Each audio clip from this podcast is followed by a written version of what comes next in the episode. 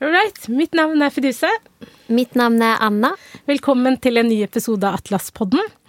I dag skal vi snakke om et tema og en målgruppe som står hjertet vårt nært. Vi skal snakke om familier med fluktbakgrunn. Hvert år så tar Norge imot flyktninger. Når vi spiller inn denne podkasten i, i, i, slutten av 2023, så har Norge tatt imot 37 518 flyktninger. Vi snakker ofte om den psykiske helsen og påkjenningene flyktningfamiliene har blitt utsatt for i hjemlandet eller under flukten. Veldig sjeldent hører vi om postmigrasjonsvansker, altså vansker som kan oppstå etter flukten og i Norge. I dag har vi invitert psykolog Semir Popovac, og det er en grunn til det. Fordi hvis dere går inn og googler postmigrasjonsvansker, og ser hvem i Norge som har skrevet og blitt sitert mest på det, så er det nettopp denne mannen. Velkommen, Simir. Tusen hjertelig takk, eh, Takk, Anna.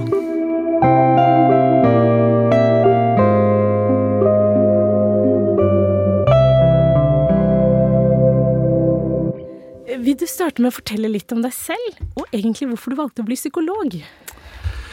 Ja, altså det er jo Når man begynner å grave i motivene sine, så kan man eh, komme fram til mange ulike motiver. Altså jeg startet, eller min interesse for psykologi startet med at jeg som ung mann begynte å jobbe med ungdommer som hadde hatt eh, trøblete start på livet. Og eh, hadde behov for ganske omfattende hjelp i form av omsorg og, og tilretteleggelser i skole og sånt. Og det som eh, gikk opp for meg den gang, var at eh, når folk starter livet med å ikke få den omsorgen de skulle ha fått, optimalt sett, så er ikke det gitt at de samme menneskene vil være i stand til å ta imot omsorg når omsorgen først gis.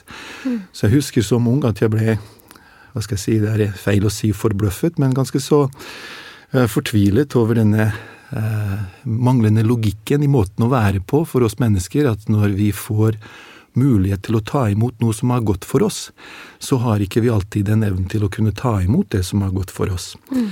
Og da ble jeg litt nysgjerrig på ja, hvordan er det egentlig vi er skrudd sammen. Så det førte meg inn på dette psykologisporet. Mm. Mm. Og vi pleier alltid å starte med å stille alle spørsmål, nei, alle våre gjester det samme spørsmålet. Hva er eh, kultursensitivt arbeid for deg?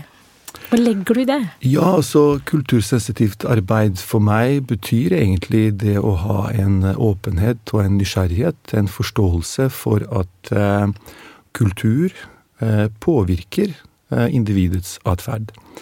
Og, eh, og, når vi møter mennesker som kommer fra andre kulturer, at vi har denne evnen til å innreflektere på hvilken måte kulturen påvirker eh, individer.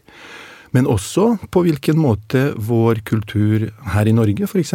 påvirker eh, hvordan vi ser andre mennesker. Fordi det er jo også en del av kultursensitiviteten, det å vite og det å være klar over på hvilken måte vi, vi selv blir påvirket av vår egen kultur i møte med, med andre mennesker. Mm. Mm. Har du noe eksempel på det, liksom? Hvordan kan ja. det se ut i praksis? Ja, så hva skal man si om vår kultur, også når man snakker om den vestlige kulturen, den norske kulturen. Det er jo også mangfold av ulike kulturer som rommes bare i Norge. Det er jo mange måter å være norsk på. Men en av de tingene som kan trekke frem som et kjennetegn med norsk kultur, det er dette individfokuset. Altså at mm. vi har et individorientert samfunn hvor individets rett til å realisere seg, altså uttrykke seg, er veldig viktig. Altså alt det som har med likeverd og sosial mobilitet og likestilling er viktige verdier. Alt det som har med sosial kontroll, er ting vi ikke liker. Mm. Så vi har dette individfokuset som et bakteppe i møte med andre kulturer også, og kan egentlig komme litt i fare for å eh, eh, tolke andre. Altså når vi ser andre mennesker, så kan vi tolke deres atferd og uttrykk som, som, som et uttrykk for vedkommendes personlighet. Dette er noe som sier om deg, mm. og ikke nødvendigvis om, om din kultur. Mm. Så, så, vi har en tendens i Norge til å forstå mennesker ut fra en slags personlighetsmodell, også dine, din atferd og dine, palkalde symptomer og plager og hva det nå måtte være. Det forteller noe om deg som individ, mm. og vi i liten grad innreflekterer konteksten rundt vedkommende. At noen ganger kan atferden bedre forklares ved hjelp av kultur og konteksten rundt. Mm, spennende. Ja, gode eksempler. Og det er jo litt sånn bakteppe til det vi jobber med når vi jobber med familier i barnevernstjenesten. Og hvis vi skal dykke litt nærmere inn på dagens tema, som handler om flyktningfamilier, og dette med postmigrasjonsvansker eh, Sånn som jeg sa i starten, Semir, du er kanskje en av de som har skrevet mest om postmigrasjonsvansker i Norge. Mm. Vil de hjelpe oss å definere det litt? Hva er postmigrasjonsvansker? Ja, altså Den enkleste måten eh, å definere postmigrasjonsvansker på, er å si at det er vansker og belastninger som, eh, som flyktningen opplever i det landet eh, man har flyktet til, i vårt tilfelle Norge. Mm. Så det vil si alle de vanskene som er knytta til livet i det nye landet. Og en av de mest vanlige, dessverre, er opplevelse av tap av identiteter. Mm. Og, eh, og, det er en type vanske som de aller fleste flyktninger og migranter ikke er forberedt på å oppleve. Mm. Fordi når man er på flukt, når man bestemmer seg for å flykte, forlate sitt land, om det er ja, frivillig eller påtvunget, så, så tar man egentlig bare for gitt at man vil være den samme person som man alltid har vært, uansett hvilket land i verden man skulle komme til. Mm.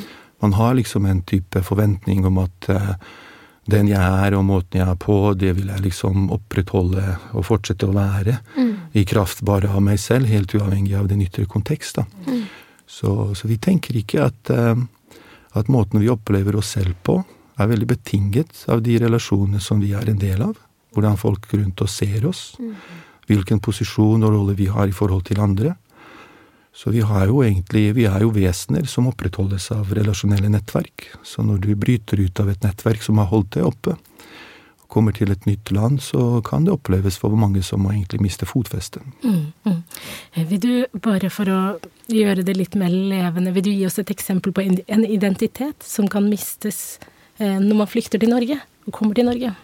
Ja, det er jo mange eksempler på det, og som kan jo ta noen ufarlige eksempler. Hvis du har eh, Jeg er jo selv krigsflyktning eh, fra Bosnia-Hercegovina, så når jeg snakker om migrasjonshelse og postmigrasjonsvansker, så, så er det et tema som jeg har profesjonelt faglig interesse for, men det er også et tema som personlig berører meg. Det er noe jeg selv også har vært gjennom, en migrasjonsprosess og en flukt. og, og eh, og eh, en av de mindre farlige, hva skal jeg si, eh, eksemplene, et eksemplene på tap av identitet, kan jo være at du, når du vokser opp i ditt hjemland, så kan du bare eh, hva skal jeg si, ta for gitt at du er egentlig en, en hyggelig nabo. Altså at du blir speilet som en hyggelig nabo. Du har en rolle i nabolaget hvor du er liksom hyggelig, ikke sant. Og så mm. tenker du, eller uten at du tenker noe særlig over det, men du bare tar for gitt at når du kommer til Norge, så vil du være den hyggelige naboen du alltid har vært. Ikke sant? Du tenker ikke at i Norge så kan det hende at de vil oppleve det som en litt innpåsliten nabo. Mm. Han som alltid smiler og skal prate i heisen og skal gi en klem. Så, så, plutselig så får du liksom et annet type feedback, ikke sant? respons på din hyggelighet. At den kanskje kan tolkes som, eh, som litt invaderende. Og det kan jo plutselig skape litt sånn tvil ja, hvem er jeg da, hvis ikke jeg er den hyggelige? Mm, ja. Riktig. Mm. Og det er så sant. Jeg tror det er mange som vil kjenne seg litt igjen i det, eh, Semir, når konteksten endrer seg, og du kanskje prøver å være det samme på hvem du har vært. Mm. Um, vil du si litt om hvilken innvirkning eh, postmigrasjonsvansker kan ha på helsen? Ja. Eh, både fysisk, men også psykisk? Ja, vi har ganske mye kunnskap om det i dag også. Altså, vi vet jo at eh, flyktninger eh, oftere rapporterer dårligere helse enn majoritetsbefolkningen. Vi har eh, levekårsundersøkelser og befolkningsstudier som viser det. Og så har vi prøvd å forstå hva denne dårlige helsen skyldes. Mm. Det er mange variabler, selvfølgelig, og en av de som har gått igjen, er at ja, folk har opplevd krig og traumer under flukt, og det vil ja, være en slags rimelig forklaring på hvorfor folk strever med helsen i Norge. Men, men når vi nå har eh, siste 10-15 årene har hatt en del systematiske undersøkelser på hvordan også livet i det nye landet påvirker helsen, så ser vi faktisk at eh, postmigrasjonsvansker, også livet i mottakslandet, kan bidra minst like mye til utvikling av psykisk uhelse som de traumene som folk har opplevd under krig og flukt. Og det er ganske sånn oppsiktsvekkende, liksom at, eh, at liksom Og da tenker man særlig på dette med sosial isolasjon, ikke finne sin plass i samfunnet, utenforskap, ikke sant, tap av identiteter, ikke få mulighet til å jobbe med de innenfor de yrkene som man er selv utdannet for, altså tap av kompetanser. Også i tillegg, hvis vi plusser på dette med diskriminering som man kan møte på, så ser man faktisk at eh, at det lader på ganske så mye eh, psykisk uhelse. Og man ser i konkrete studier, og vi kan gjerne legge ved noen referanser i denne podkasten hvis det skulle være plass til det, også at eh, depresjon særlig også, depresjon, mm. men også generelt svekket mental helse, mm. ser ut til å være mer relatert til postmigrasjonsvansker enn til opplevde traumer under krig og flukt også. Mm. Det jo, det sier jo litt også hvor sårbare vi er for, eh, for dette med sosial isolasjon og utenforskap mm. og ja. Men eh, eh, jeg, jeg, tenker, Når jeg hører deg snakke, så tenker jeg sånn Men hvordan vet man egentlig hva som kommer av hva, eller hva man skal si? ja, det er et godt spørsmål. Altså, disse studiene som har gjort eh, med mange ulike flyktninggrupper eh, i forskjellige settinger, har egentlig blitt satt på den måten hvor man da kontrollerer for grad av opplevd krig, altså hvor mye man har vært eksponert for krig. Eh, man følger de samme flyktninggruppene f.eks. som kommer fra de samme geografiske områdene i, i et krigsherjet land. Man ser hvor lenge de har vært eksponert for krig, hvor lenge de har vært eksponert for opphold i flyktningleirer. Og så ser man da senere hvordan det har gått med dem når de har blitt plassert i de ulike landene. Mm. Og, eh, og, i den grad det er mulig å da å kontrollere for alle disse variablene som har med krig og flukt å gjøre, så, så kontrollerer man for de variablene og bare måler på effekten av, eh, av livet i det nye landet. Så ser man da at, eh, at postmigrasjonsvansker gir ganske så signifikante utslag i psykisk uhelse også. Mm. Mm. Hvordan kan vi um Sånn som du sier, det er jo flere identiteter som kan gå tapt. Eh, hvordan kan vi anerkjenne disse rollene? Hvis jeg skal gi deg et eksempel, da. Um, foreldre som i, i, på en måte foreldrerollen, den også er jo i endring. Det kan være en familie som har bodd i flyktningleir i 15 år. Eh, og konteksten også påvirker deg. Det kan være at disse foreldrene blir veldig strenge i denne leiren fordi det er mange farer, det er mange ting de må være obs på hele tiden. Eh, de jobber veldig hardt for at barna deres skal få et måltid hver dag. Eh, og så venner de seg til en måte å være foreldre på som kanskje når de kommer til Norge kan virke litt sånn strikt mm. i forhold til hvordan vi vurderer det her. Mm. Og mange av dem kan opp, noen av dem sier jo selv at de opplever at eh, de blir ikke anerkjent for den mammaen de er, eller den pappa, pappaen de er. Mm. Um, hvordan kan vi anerkjenne disse rollene? Ja, altså i møte med atferd og praksiser som er forskjellige fra våre, så, så, kan vi lett bli på en måte trigget til å være normative i mm. møte med det som er forskjellig fra det som vi er vant med.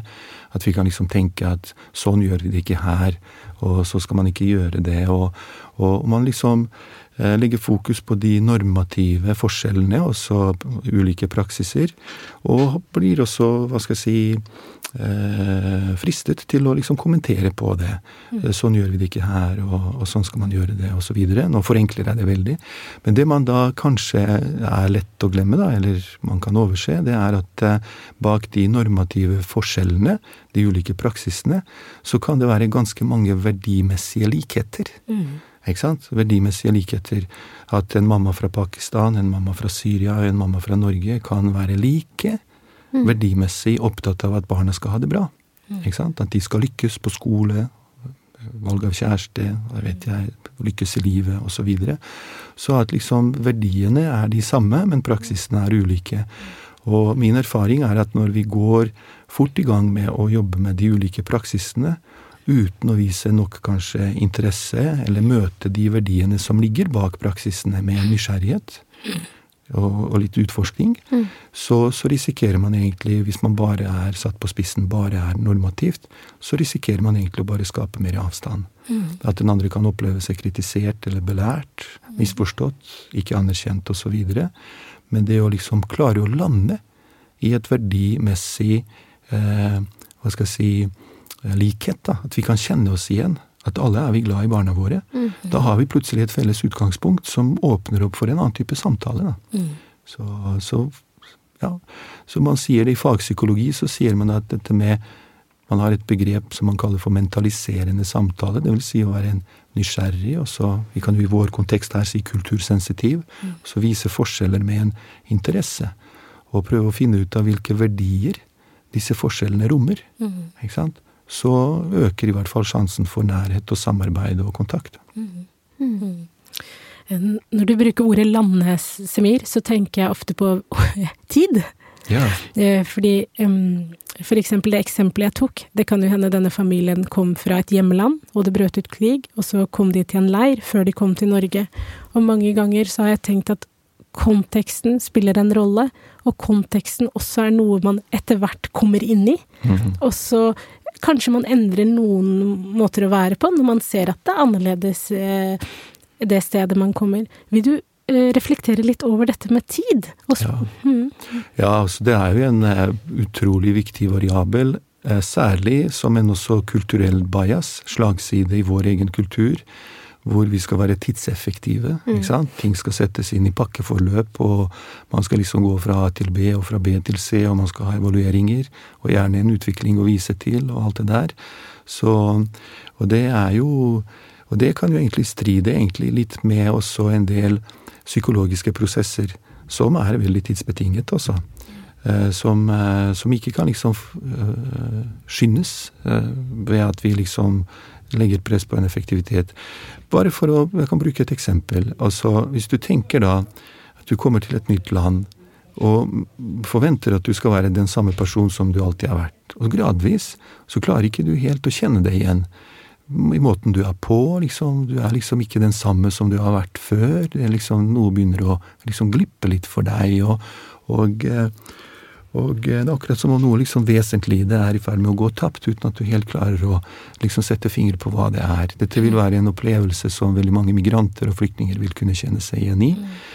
Og så får du da en, eh, hva skal jeg si, om det er en flyktningkonsulent eller en lærer, eller om det er en som jobber innenfor eh, bosetting, hva det måtte være, som sier at dette er de nye normene. ikke sant? Dette er det nye du skal lære deg. Så når du da blir invitert til å lære noe nytt, samtidig som du er i en slags sånn tapsprosess. At noe mm. verdifullt i deg selv er liksom eh, eh, under risiko for å gå tapt. Mm. Så vil du være mindre mottakelig for å ta imot det nye som introduseres for deg. Mm. Så la oss bare tegne et bilde med et konkret eksempel.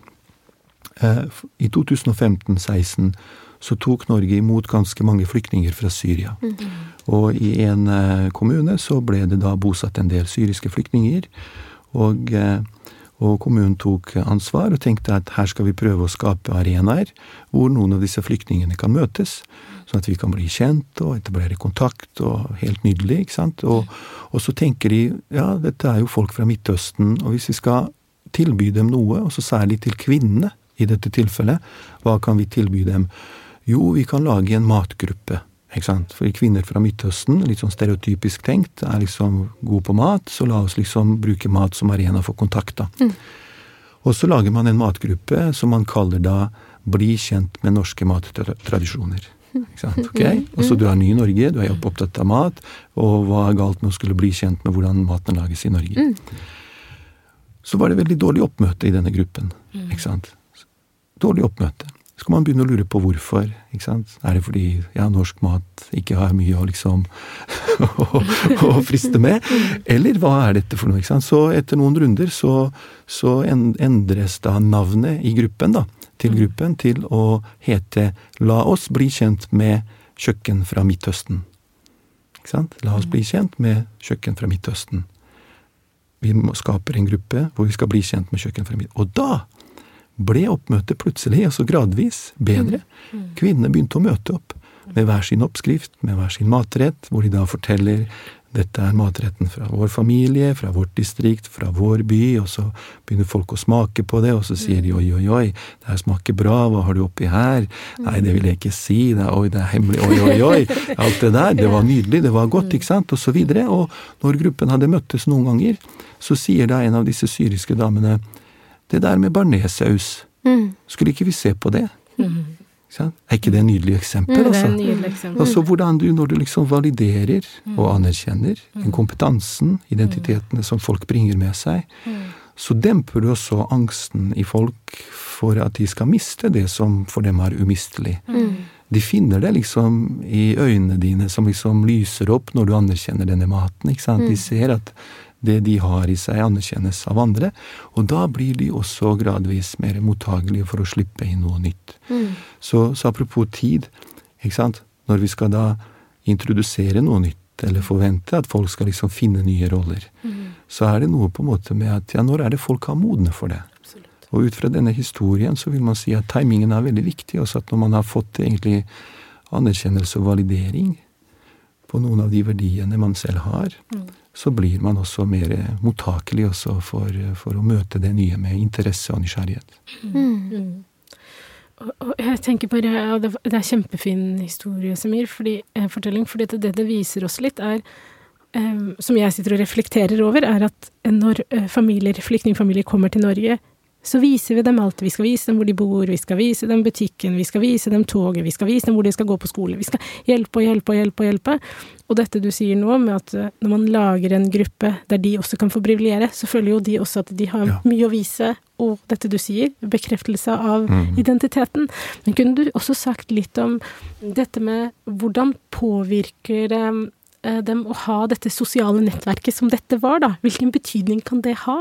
Og ja, det er jo livreddende, ikke sant. Og så igjen så har vi en eh, fallgruve i vår kultur med vårt eh, Jeg vil tillate meg å kalle det litt sånn overdrevne individfokus. At vi tror faktisk at individet kan stå på egne ben. Det er bare tull, også. Det er vi opprettholdes og holdes oppe av våre relasjoner. Også individet er ingenting uten sine relasjoner. Og, eh, og det å migrere er jo også på mange måter også brudd med et nettverk som har holdt det oppe. Vi kan jo si at vi har jo relasjonelt behov, og så vi er avhengige av hverandre relasjonelt helt fra vi er nyfødt til vi dør. Ingen fikser livet alene. Ingen fikser livet alene på egen hånd, altså. Og, og dette relasjonsbehovet følger oss virkelig livet ut. Og når man da bryter ut av et miljø som har holdt det oppe, på godt og vondt, sant, hvor du har vært den hyggelige naboen, den kvikke i replikken, en som folk snakket med, og så. Og så kommer du til et nytt miljø, hvor du må liksom nær sagt starte med blanke ark, da. Sant? Så, så er det så viktig liksom å finne nye relasjoner hvor, hvor du kan finne egentlig at selvet ditt får litt sånn eh, opprettholdelsesdrift, altså. At du også holdes oppe av andres blikk og i andres sinn, og at du har en betydning for andre mennesker, altså. Og eh, ja, absolutt. Så det å være en del av et nettverk, det er jo livreddende. Og, ja. Jeg, um, jeg lurte på, når vi sitter og snakker, så tenker jeg, hvordan er postmigrasjonsvansker for barn? Hvordan ser det ut? Det kan jo også sikkert være aldersbetinget, eh, men uh, kan du si litt om det? Ja, det er jo dette studiene jeg refererer til her, eh, når vi snakker, handler i stort sett om voksne migranter og flyktninger. Og barns identitet og roller vil jo ofte være knytta til eh, de rollene de har i primærfamilien. Og flykter barn alene versus flykter i familien, det vil jo være store forskjeller. Hvor store barn er, det vil også være store forskjeller. Men ethvert miljøbytte vil jo i seg selv være en påkjenning og en utfordring for identitet. Og eh, når vi snakker om postmigrasjonsvansker, så må vi ikke tro at dette bare er noe som rammer flyktninger og migranter. Altså alle vi, også som bor i Norge, som flytter fra et sted til et annet, fra en landsdel til en annen, bytter miljø, vil jo oppleve at liksom flytter du fra nord til sør, så blir du speilet på en litt annen måte enn det du er vant med. Ikke sant? Og, eh, og eh, barn, når de bytter skole, ikke sant? Det er jo egentlig også postmigrasjonsvansker. Også hva, hvem, er det de nye barna ser når de ser deg? Ikke sant? Fordi det er jo så ikke sant, Hvordan finner du deg selv, da? Og etablerer deg selv i, liksom, i de nye relasjonene. Det er jo ikke sant, en eh, utfordring for selvopplevelsen og identiteten. Også hvordan finne plass i de nye relasjonene. Mm. På, og bli gjenkjent for den du er, mm. Og ikke bli speilet med bare andres fordommer. Men noen ganger så ser man jo det på som en, en positiv handling også, da, å bytte miljø eller komme ut av et uh, dårlig miljø, på en måte. Men hva kan man gjøre um, Dette her er jo sikkert mye liksom um, kunnskap som, man, som ikke flyktningene selv kjenner til, nødvendigvis. Mm. Man kanskje, det kan jeg tenke meg i hvert fall at det er mer en levd erfaring da, hvor plutselig ikke helt vet hvem man er. Men hva kan man gjøre for seg selv, på en måte, da? i en mm. sånn eh, situasjon? Ja, altså, når man opplever dette Man får liksom ingen eh, forvarsel. Mm. Når du kommer til Norge, så er det ingen som eh, møter deg på grensen og sier velkommen, og vær forberedt på at du kommer til å miste noen av dine identiteter, mm. og, og, du kan selv velge hvilke. ikke sant? Mm. Du, du, bare trer inn i det nye landet med en forventning om at du skal være den samme som du alltid har vært. Mm. Så denne opplevelsen kommer snikende. Mm. Og, eh, og, en vanlig tolkning er at enten så tar man det utover seg selv og tenker er det meg det er noe galt med? Mm. Ikke, sant? Ikke sant? Det kan jo aktivere både skam og skyldfølelse i form av at Burde jeg ikke vært mer takknemlig? Nå er vi i trygghet i Norge, men jeg føler meg ikke vel. ikke sant? Jeg føler meg ikke som meg selv. Burde ikke vært mer takknemlig? Så man kan gå løs på seg selv. Mm. Eller at man går løs på samfunnet og tenker at samfunnet er liksom fiendtlig, og, mm. ikke sant? og dette er ikke noe godt sted for meg å være. Og så, så for flyktninger og så Jeg har jo denne gleden av å bli invitert til ulike kulturelle foreninger rundt omkring i, i Norge og snakke med mange mange flyktninger eller mange migranter med ulik bakgrunn. Og når vi snakker om postmigrasjonsvansker, så blir jeg alltid glad når jeg ser at folk både kjenner seg igjen mm. Plutselig så kommer det et språk, introduseres det et språk som gjør at du kan liksom forstå hva du har stått i på en annen måte, mm. uten å blame deg selv eller blame rundt, folk rundt deg. Men du forstår det mer som, et, eh, som en del av normal psykologi. Dette mm. er noe som rammer oss alle. Barn som bytter skole, nordlendinger som flytter sørover til og med nordmenn som utvandret til Amerika, vet mm. vi. Mm. For 100 år siden vet vi. Vi har så mye dokumentasjon på hvor, hvor tøft det var for veld, veldig mange. Og så høy forekomst av suicidalitet, alkoholisme. Det var ikke fordi de hadde opplevd krig og tortur i Norge, men det var dette, rett og slett dette byttet av miljøet også. Mm. Men det å forstå det riktig gjør at du da i hvert fall kan Det gjør ikke nødvendigvis smerten mindre, men det gjør den lettere å bære. Mm, mm. Du går ikke løs på deg selv, og du blamer ikke samfunnet nødvendigvis. Men da blir du mer klar over at medisinen er egentlig kontakt. Mm. mm. Løsningen er kontakt. Så hva kan jeg gjøre da også for å liksom koble meg på? Mm. Ikke sant? Og vi som tar imot flyktninger, hva kan vi gjøre for å skape arenaer hvor folk kan connecte med hverandre?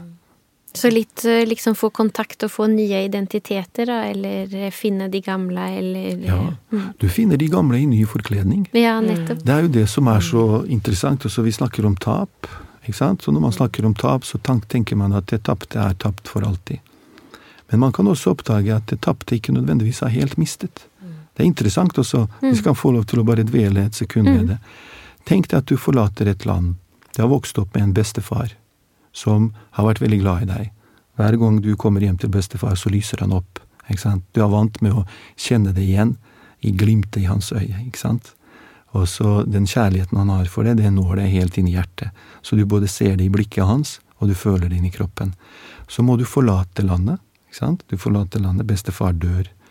Og dette tapet av bestefar, av en ytre person, ikke sant, vil jo naturligvis kunne utløse sorg.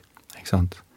Men hvis du mister ikke bare bestefar, men hvis du mister også kontakt med din indre opplevelse av å ha blitt elsket av bestefar, hvis du mister kontakt med den indre opplevelsen av å være elsket, det er ikke lenger sorg, men det er depresjon. Ikke sant?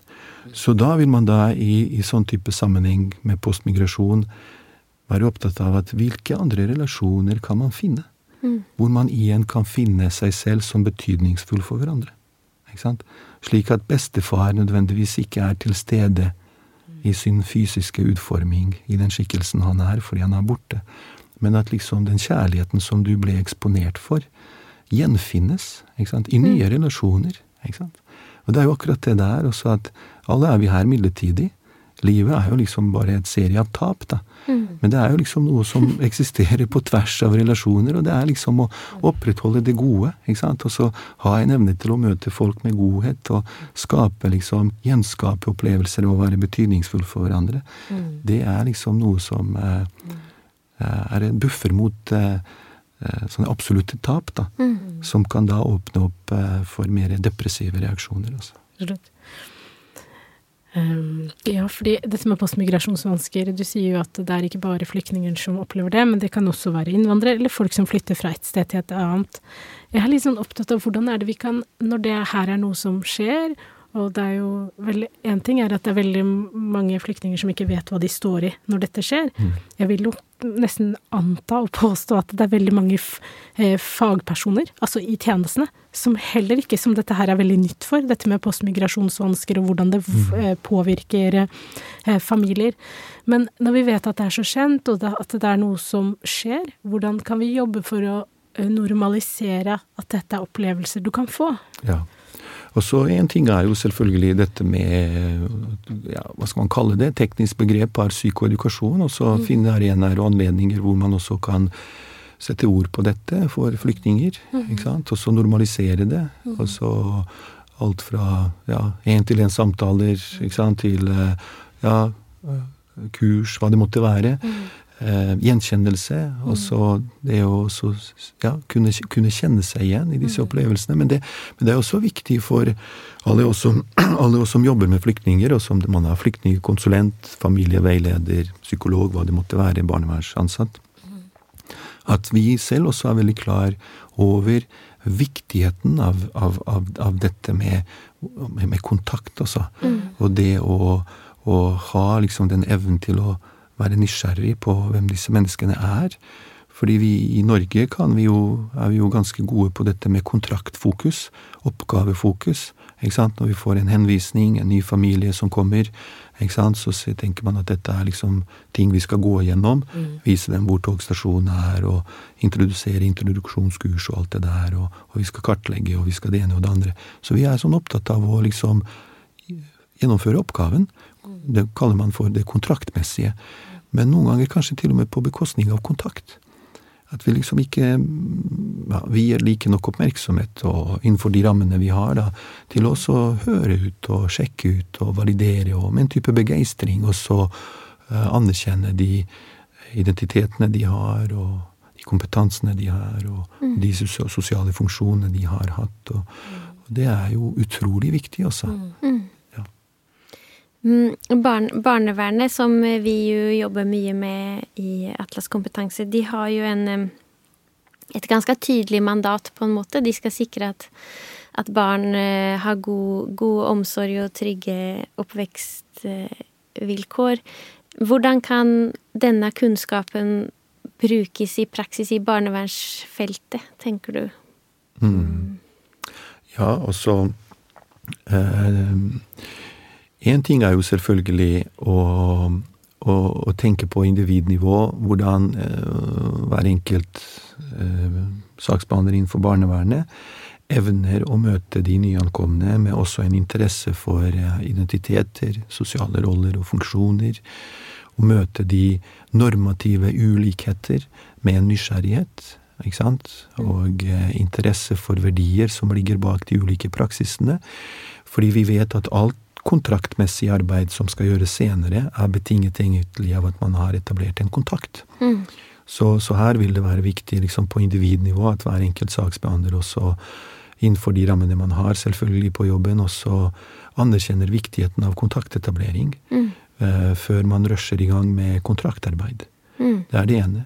Og det andre er jo litt mer på systemnivå. Hvilke arenaer skaper vi i den enkelte kommunen eller bydelen hvor det, hvor det er rom for gjenkjennelse i hverandre. Mm. På hvilken måte involverer vi hverandre i hverandre? Og så eh, På hvilken måte tilrettelegger vi for at eh, kompetansen og de funksjonene folk har hatt eh, for hverandre i hjemlandet sitt, kan videreføres. Man kaller det kontinuitetsbærende aktiviteter. Hvis du har vært frisør i Ukraina, så ser man også hvor godt det gjør for den frisøren å kunne holde på som frisør på asylmottaket også. Mm. Hvis du har vært lærer i Syria, hva med å liksom være som uh, morsmålslærer for barna på asylmottaket? ikke sant? Så dette med å liksom tilrettelegge for kontinuitetsbærende aktiviteter er veldig viktig. Så én ting er jo å ivareta folks identiteter, vise interesse for dem, uh, skape arenaer for gjenkjennelse, men det er også viktig viktig, virkelig også, dette er jo litt ambisiøs tanke, det jeg skal si nå, at vi også på tvers av ulike kulturer også kan kjenne oss igjen i hverandre. Det er fint for ukrainere å kjenne seg igjen i andre ukrainere. Bosniere å kjenne seg igjen i andre bosniere. At vi er i samme båt. For nordmenn i Amerika for 100 år siden så var det veldig viktig å møte andre nordmenn, nordmenn i, i, i, i den norske sjømannskirken. ikke sant? Det er jo bra, men ikke nødvendigvis nok for at man egentlig skal kunne fungere. Fordi det er først når vi på tvers av etniske grupper og kulturer kan kjenne oss igjen i hverandre, at jeg som ukrainer eller jeg som bosnier, jeg som syrer, kan kjenne meg igjen i noe som en norsk pappa eller norsk mamma står i. Mm. Ikke sant? Det er da, det er da vi får til til sagt en integrering, men det er da vi får egentlig en gjenkjennelse og kontakt. Mm. Når du som bosnier eller eh, svensk eller somalier møter opp på Munch-museet og ser at Munch også taler til deg. Mm. Ikke sant? Når du leser Jon Fosse og kjenner liksom varmen ta tak i deg, du kommer fra et helt annet land, er i en helt annen alder, har et helt annet kjønn, men leser noe, er eksponert for noe som kommer fra en annen person, og du klarer å kjenne deg igjen i det. Det er da det er da egentlig det magiske skjer også.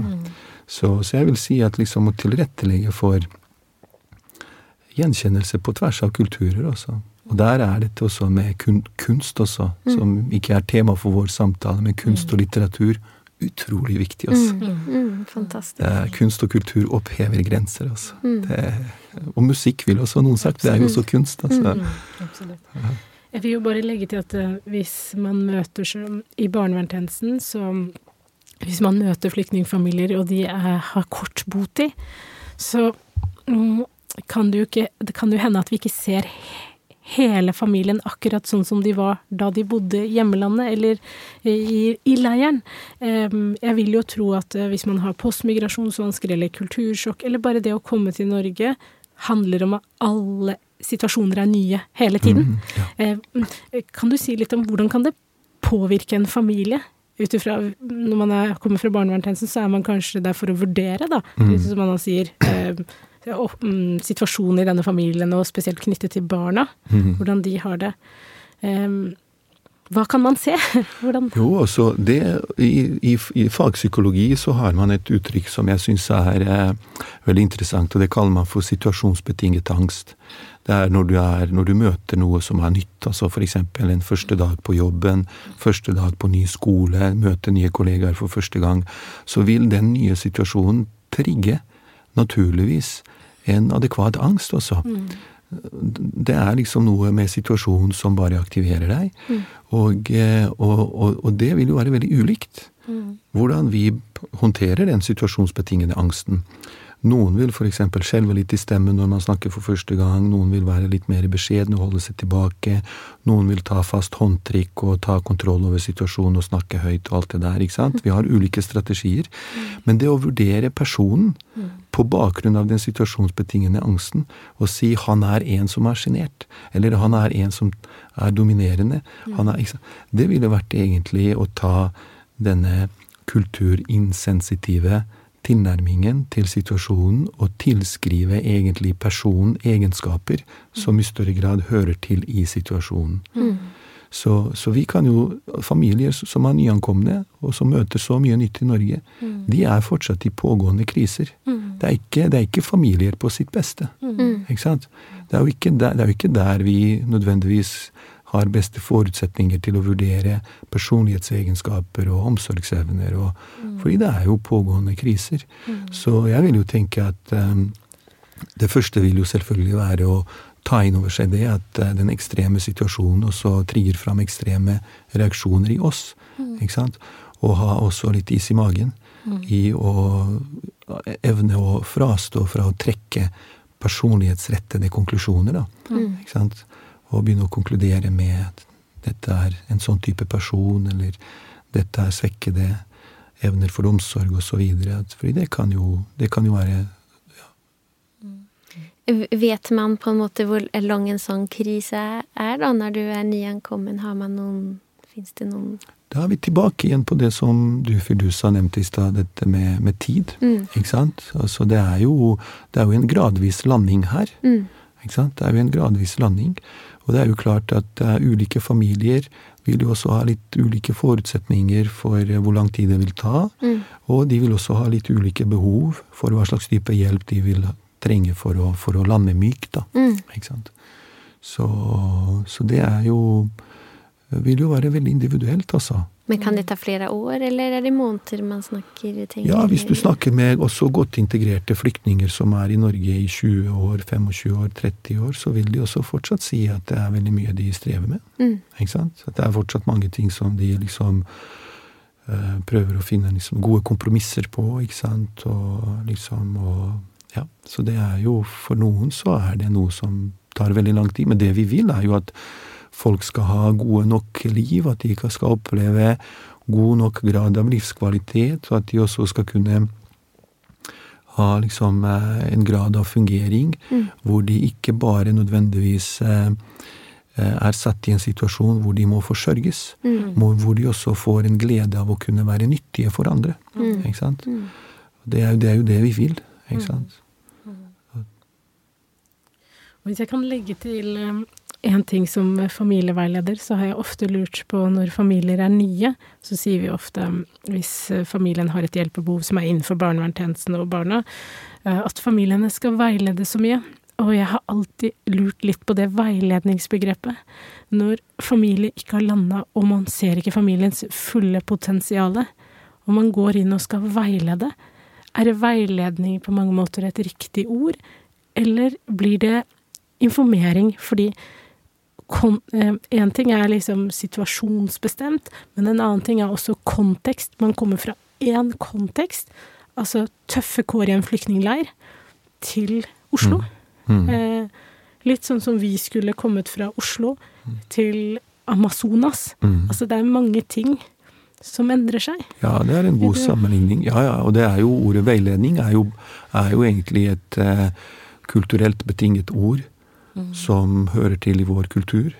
Og, og apropos kultursensitivitet, så handler ikke kultursensitivitet bare om å være oppmerksom på andres kulturer, men også å være oppmerksom på hvordan våre kulturer påvirker oss. Altså vår kultur påvirker oss i møte med flyktningfamilier. Og vi kan jo liksom tenke at veiledning er liksom et bra tiltak, men i veldig mange kulturer er veiledning helt fremmed ting, da. Også at det skal komme en utenforstående inn i storfamilien og veilede deg. Også dette er jo noe som storfamilien gjør. Så kommer hun fra myndighetene også. Ja, ikke sant? Så det er jo liksom hele, hele konseptet veiledning er liksom veldig fremmed og veldig nytt, da. Ikke sant?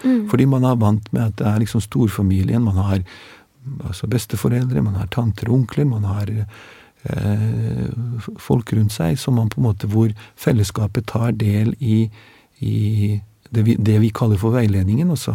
Mm. Støtten og avlastningen og, og den emosjonelle støtten for foreldre. og liksom rommes i storfamilien. Så når vi da introduserer begrepet veiledning, så vil det være veldig fremmed.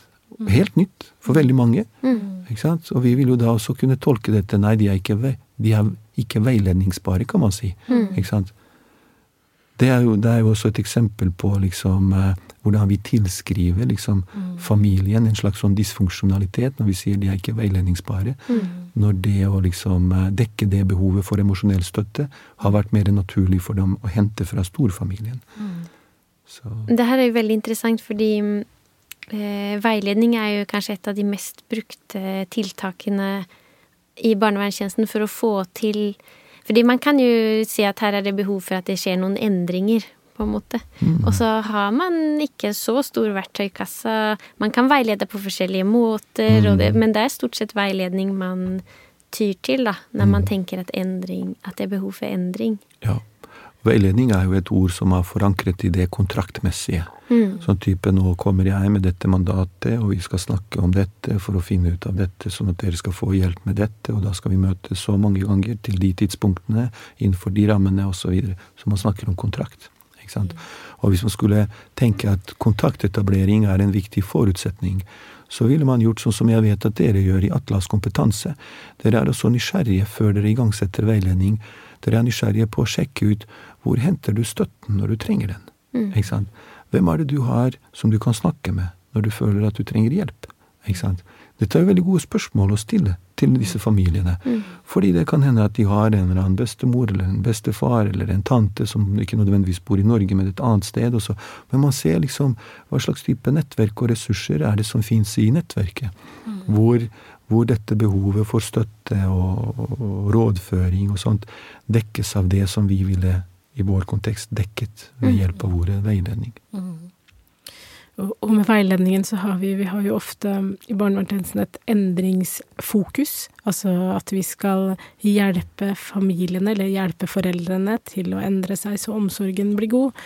Eh, og så har vi jo dette med kompenserende tiltak, som ofte er at når vi stiller en del flyktningfamilier spørsmål om hva de trenger, så er det jo ofte praktiske ting. Mm. Og det opplever jeg kanskje kan være noe undervurdert. Men eh, når vi sitter her og eh, snakker med deg, Semir, så tenker jeg jo også hvis man er i en pågående krise, så gjelder jo det barna, og det gjelder jo foreldrene. Og kanskje man har litt sånn tid til å ha litt et ønske om å enten der og da få praktisk hjelp, Mm. eller at man kanskje bistår som miljøarbeider og finner på noe med barna, så man, man kan komme seg eh, Altså Mm. komme seg inn og lære mer og komme på plass, da. Ja. Ja. Eh, er det en måte å tenke på når det kommer til Ja. disse familiene?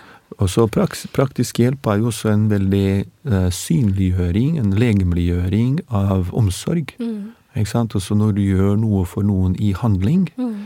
så oppleves det veldig reelt. Mm. Ikke sant? Det er ikke bare ord, det er ikke bare at du liksom tenker på meg og vil meg vel, Mm. men du gjør faktisk noe konkret. Og, og i folk som er i pressede situasjoner, så vil dette liksom konkrete også være veldig viktig. Mm. Et kjærestepar som er i krise, ikke sant? Det hjelper ikke liksom at du bare sier at du er glad i meg. Mm. Det gjør ekstra effekt når du har kjøpt blomster til meg. Og så, så det er liksom når man er i krise, så er liksom plutselig handlingen er liksom vel så viktig som ordet. Mm. Så, så det å også liksom ikke underkjenne det også. Det er liksom en praktisk hjelp og konkret hjelp som kan handle om konkrete, større eller mindre Mm. praktiske ting. har jo veldig stor psykologisk betydning også. Vi har jo mye erfaring med det i Atlas kompetanse at, eh, at um, hvis vi får et oppdrag om veiledning, så kan det være at uh, inngangen er at vi gjør noe sammen. Mhm. Eh, og så etter hvert så kommer det gode samtaler Ja. som uh, man kan velge å definere som veiledning, da. Nettopp. Hvis man vil. Men hvis man f.eks. lager mat sammen, eller eh, går på lekeplassen sammen eh, med familien, Ja. eller At en litt mer sånn uform... Mange Ja. ganger kan en litt mer uformell tilnærming Ja. gi veldig gode resultater. Man kan lure på hva innholdet i den uformelle tilnærmingen er. Når dere lager mat sammen, og når dere er på lekeplassen sammen, hva er det egentlig som skjer? Man kan lure på å tenke at jo, barna leker, og vi lager mat.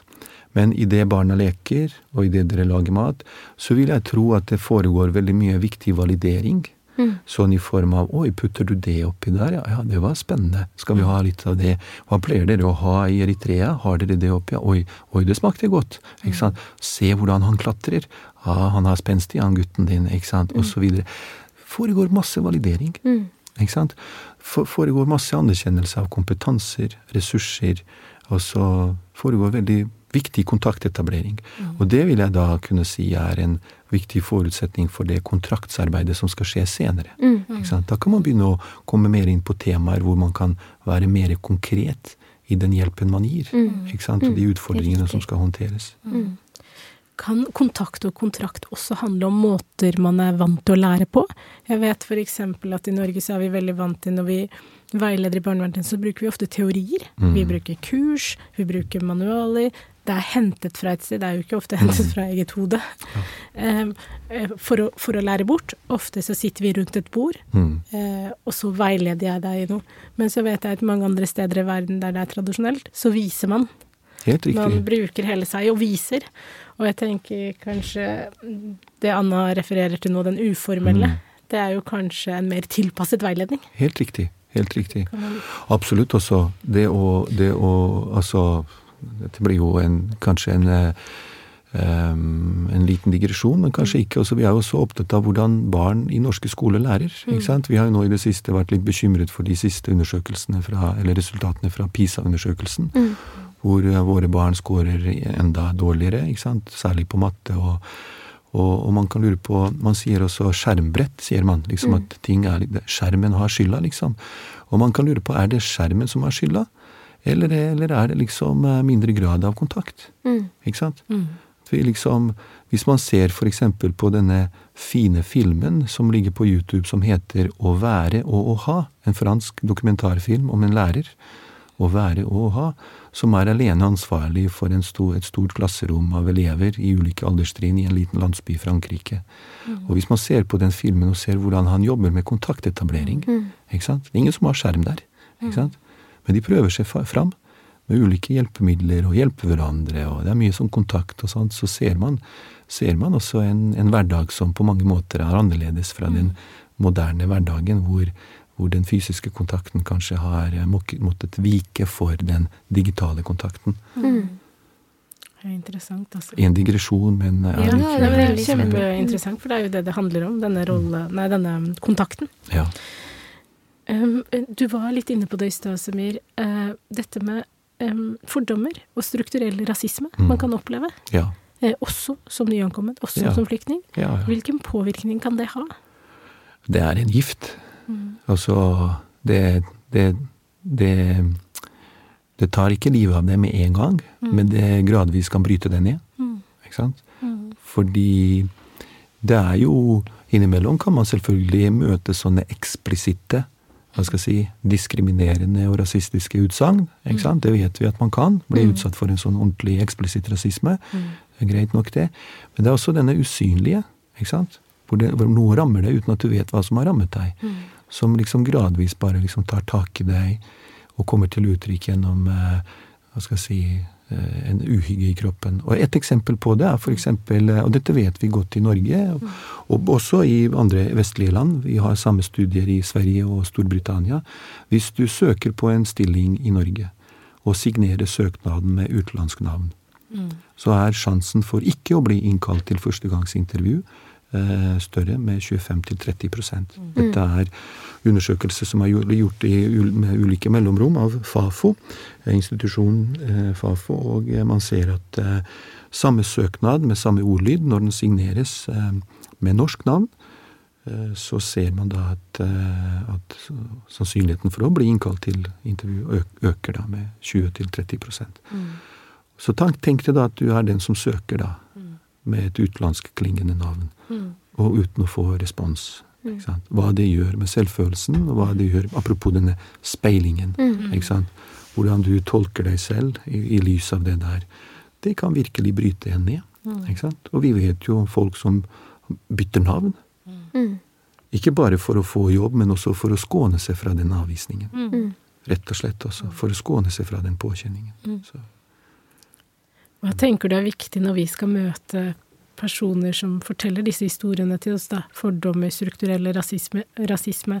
En ting er på etnisitet, hvordan du ser ut, eller på, på eh, navnet ditt, men så er det et tilleggsfaktor her. De snakker jo ikke så godt norsk, men man kjenner jo selvfølgelig Ja. noe er liksom Ja. off. Men hvordan kan vi i hjelpeapparatet møte de og møte disse historiene?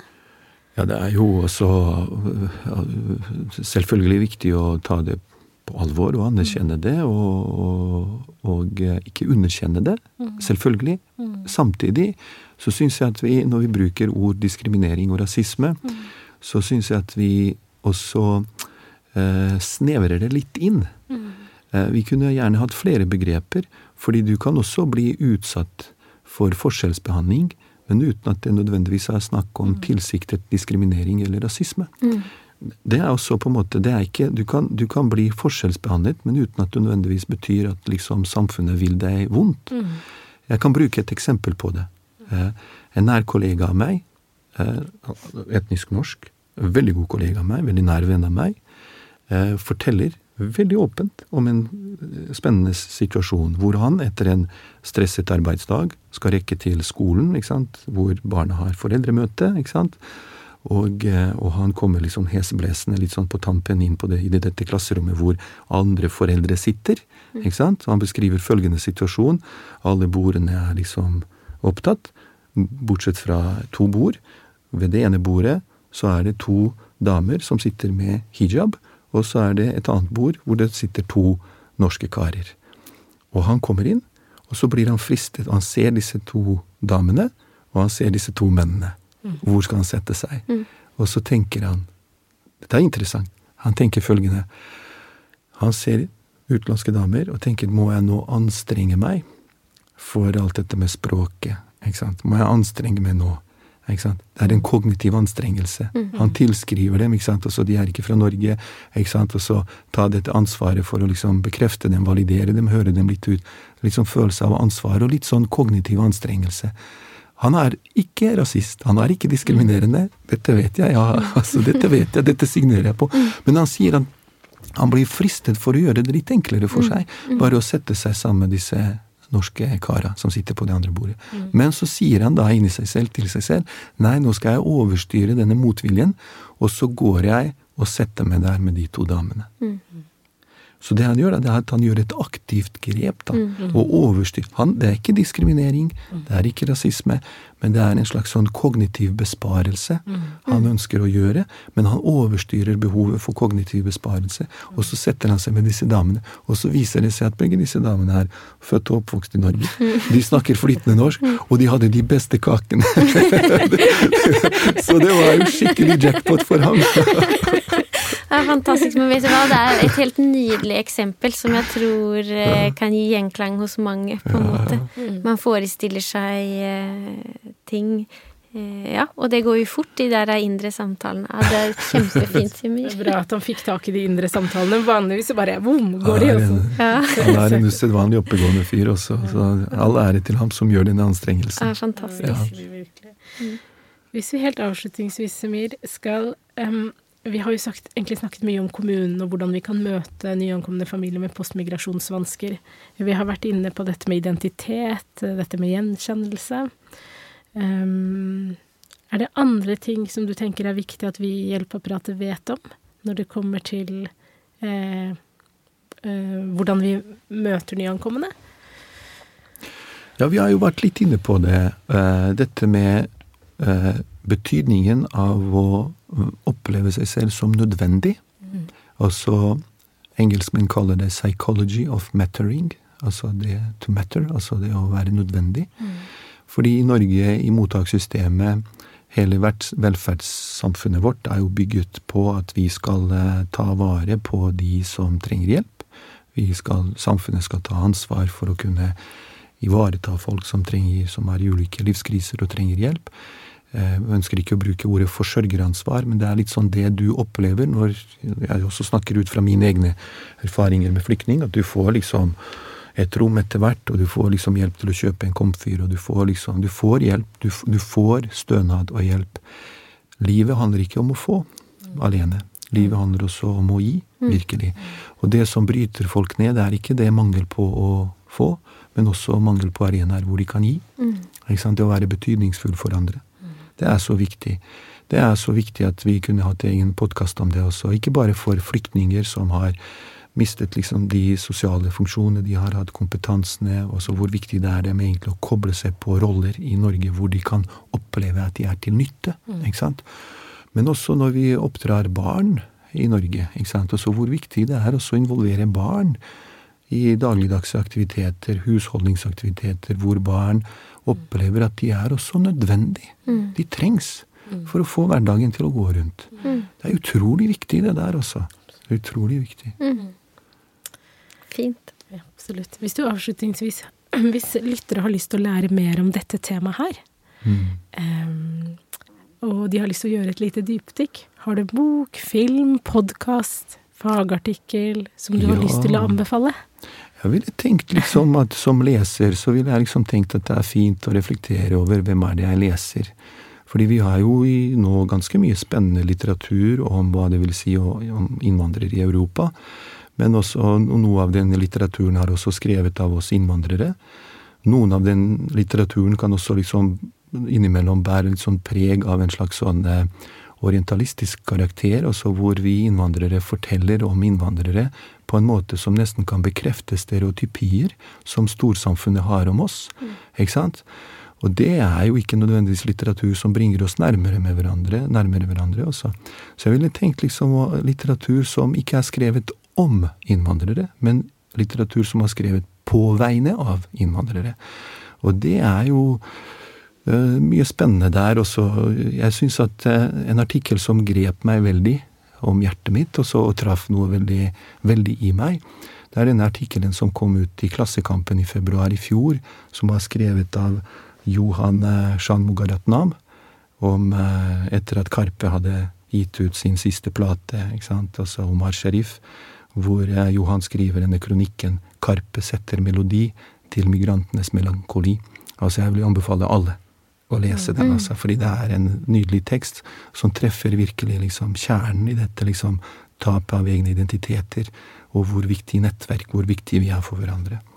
Så jeg vil anbefale det også. Og hvis noen ønsker å lese mer faglig om postmigrasjonsvansker, så er det en åpen artikkel på nettet i tidsskriftet for Norsk psykologforening som heter Fluktens pris, hvor det er også referanser til mange av de altså studiene som vi har referert til i vår samtale i dag. Fluktens pris, det går an å google opp og lese også gratis. Nydelig. Nydelig. Tusen, tusen takk, eh, Semir, for at du kom til denne podkasten og delte så raust av dine erfaringer og kompetanse. Ja, tusen takk. Ja, tusen takk for invitasjonen. Takk.